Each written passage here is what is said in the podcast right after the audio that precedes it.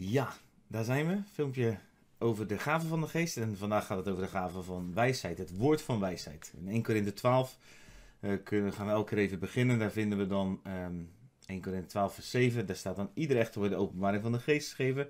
Tot wat nuttig is voor de ander. Dus niet voor jezelf deze gaven. En aan de, en want aan de een wordt door de geest een woord van wijsheid gegeven. Dus de eerste van onze superkrachten, de eerste gereedschap uit de kist, wat God eigenlijk bovenaan zet, is wijsheid. En dat vind ik prachtig. Ik vind het heel mooi om te zien hoe een opsomming van bovennatuurlijke kracht eigenlijk begint met wijsheid.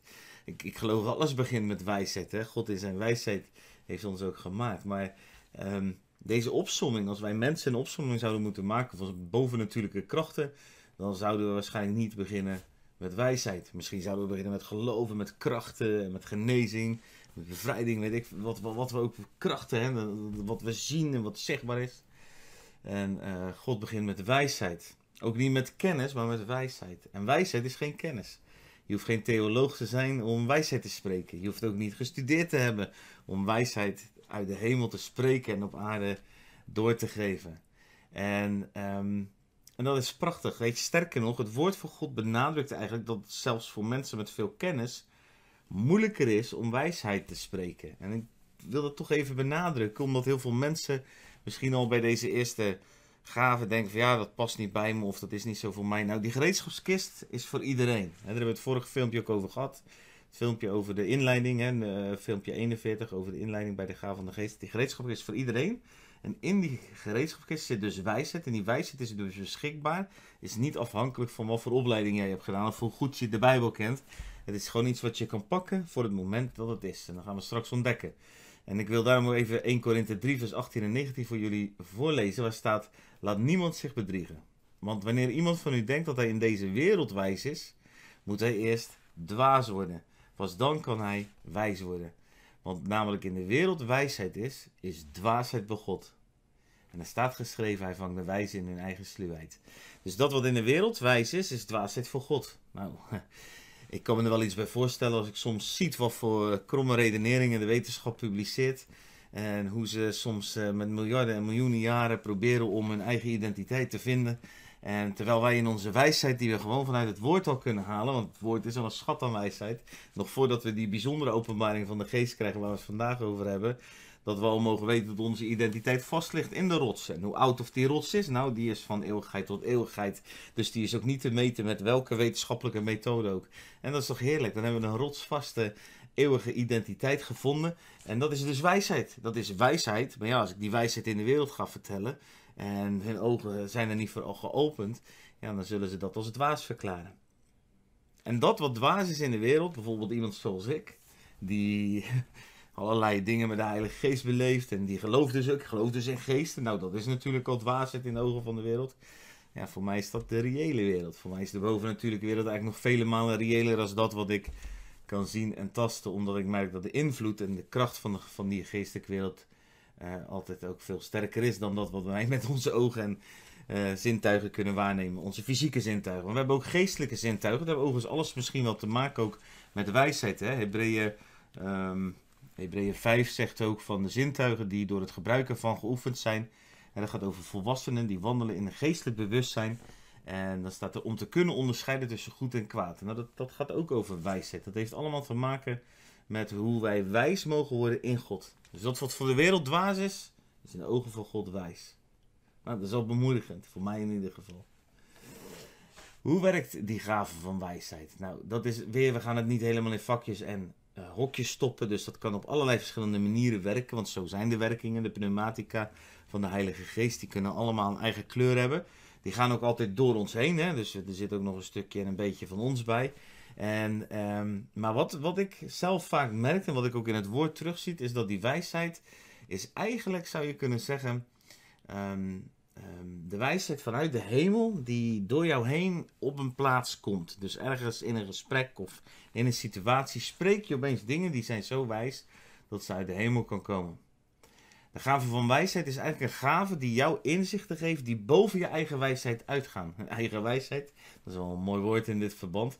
Dus je eigen wijsheid gaat even opzij en dan komt de wijsheid in jou En tijdens een gesprek of tijdens een, een, een, Er is ineens is er een inzicht of een gedachte die zo actueel, actueel is en zo accuraat is voor degene waar je op dat moment mee in gesprek bent. Of voor dat stukje wat je schrijft op je social media.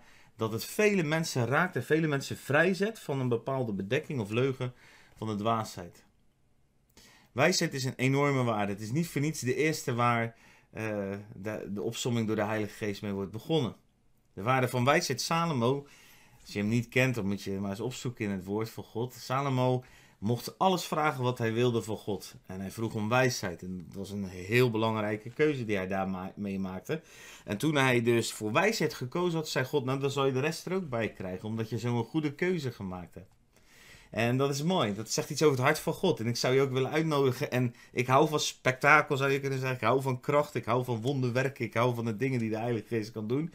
Maar toch is mijn meest gebeden gebed het gebed om wijsheid. Dat durf ik je eerlijk te zeggen. Die wijsheid hebben we namelijk nodig. Die wijsheid hebben we ook nodig om met die krachten bijvoorbeeld om te kunnen gaan. Die de Heilige Geest door ons heen willen doen. Ook daar is wijsheid voor nodig. Boven natuurlijke wijsheid.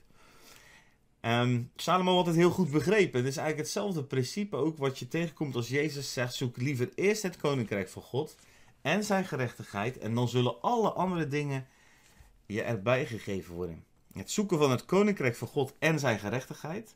Gerechtigheid, dat is eigenlijk alles waar de wil van God plaatsvindt. Hè? Dus alles waar Gods wil zichtbaar wordt plaatsvindt.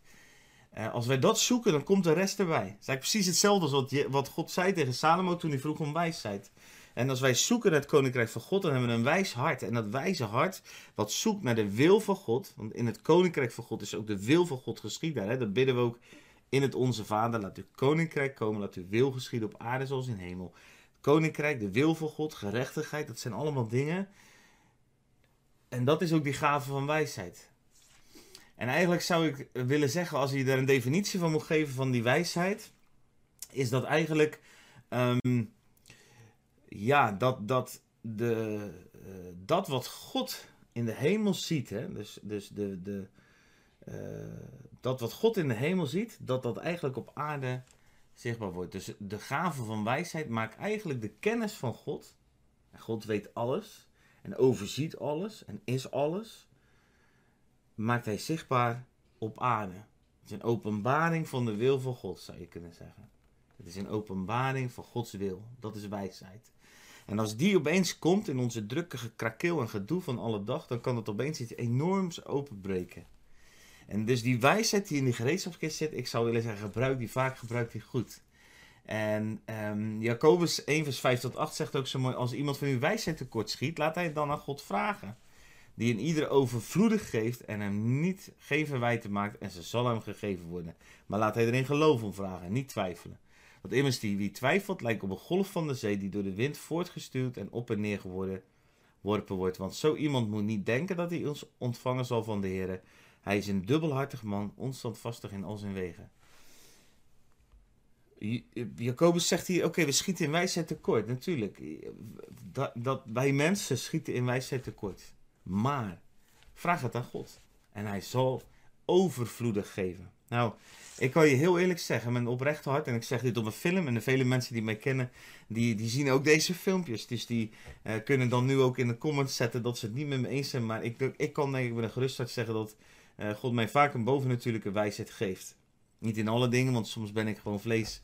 Of, of, of soms beweeg ik nog in mijn natuurlijke vlees. Maar heel vaak is mijn gebed voortdurend als ik gesprekken voer, als ik met mensen bezig ben, Heer, geef mij wijsheid die uitgaat boven dat wat wij hier op aarde waarnemen. Geef die wijsheid die maakt dat ruzies opgelost kunnen worden. Dat uh, worstelingen van persoonlijk van mensen in hun leven gewoon vlot getrokken kunnen worden. Dat waar verdeeldheid komt en de vijand uit één probeert te drijven, dat er eenheid komt. En ik heb zoveel van dat soort situaties meegemaakt. Waarin gewoon een simpele gedachte die ik woorden mocht geven, um, ja, opeens iets in een leven verandert. Het is zo grappig. En soms is het zo dat God dingen spreekt. Ik had gisteren nog zo'n moment dat ik dan daadwerkelijk, eigenlijk letterlijk bijna merk dat God mij iets geeft. En dan moet ik het ook uit gaan spreken. En, of, dat ik ze opschrijf. En dat ik, dan geeft God mij voorbeelden of ideeën. En die moet ik echt opschrijven. Want ik begrijp eigenlijk zelf nog niet waar God heen wil met de gedachten die hij mij geeft. En dat is, vraagt dus ook overgave. Dat vraagt ook moed om te durven wandelen als je in een gesprek staat. En je krijgt in één keer die gedachten, in één keer die ideeën van oké, maar is dit misschien een oplossing? Of zou dit misschien helpen? Of heb je daar wel eens aan gedacht? Of je krijgt soms een heel ander beeld. neem Salomo, die bijvoorbeeld zei van nou laten we die baby door de midden hakken om te openbaren wie die moeder is. Ja, dat, dat is eigenlijk een prachtige manier. Ik merk vaak dat God mij vragen laat stellen. Dat zie je overigens ook in het leven van Jezus terug. Dus iemand komt ergens mee en vervolgens mag je een wedervraag stellen. In Nederland is dat heel ongebruikelijk, hè? vinden we dat bijna, bijna onbeleefd als je een vraag beantwoordt met een wedervraag. Maar goed, toen Jezus op aarde was, deed hij dat voortdurend. Waarom? Niet omdat hij geen antwoorden wilde geven, maar omdat hij je wilde helpen in mensen ook diezelfde wijsheid te ontwikkelen die zijn vader had. En daarom gaf hij een vraag terug, zodat je via een bepaalde route uiteindelijk ook nou, tot zijn hart kan komen. Want dat is waar de wijsheid van God altijd op gericht is. Die bovennatuurlijke wijsheid die God geeft is wat anders dan de kennis. Die zullen we morgen behandelen. Het woord van kennis. De bovennatuurlijke wijsheid is, is echt gericht op het samenbinden, het samenbrengen, het oplossen van, van situaties. Wijsheid die we nodig hebben soms. Die, die we in connectie met elkaar ook nodig hebben. Die we in persoonlijke worstelingen nodig hebben. En dat is niet een formule waarmee je dan vervolgens blikken verf kan gaan maken. En waar je eh, dat, een bijzondere openbaring. Nee, wijsheid is iets wat nog veel dieper is en wat nog veel uh, duurzamer is, denk ik. En dat is ook de reden, denk ik, dat God hem bovenaan gezet hebt. Zoek eerst het koninkrijk van God en zijn gerechtigheid. Je zou kunnen zeggen, zoek eerst de wijsheid. Met een hoofdletter W. Zoek Jezus zelf, de wijsheid. Zoek zijn koninkrijk, zoek zijn gerechtigheid. Ga en, en vraag naar hem wat zijn wil is. En dan zal hij je die ook geven, overvloedig, zoals Jacobus het zegt. Als we even naar die gereedschapskist kijken, dan is deze eerste gave, zou ik zeggen, dat is eigenlijk de accutol met al die bitjes. En ik weet niet of je dat kent, maar je hebt van die gereedschapskisten en heb je daar een accutol en, dan, en dat is een schroevendraaier, hè, een, een elektrische schroevendraaier.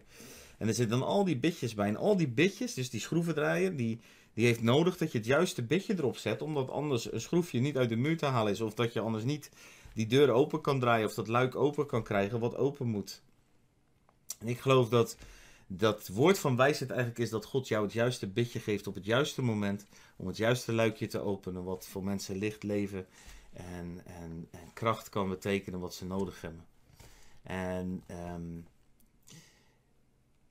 ja, ik wil daarvoor gaan bidden. En ik wil eigenlijk dit vragen.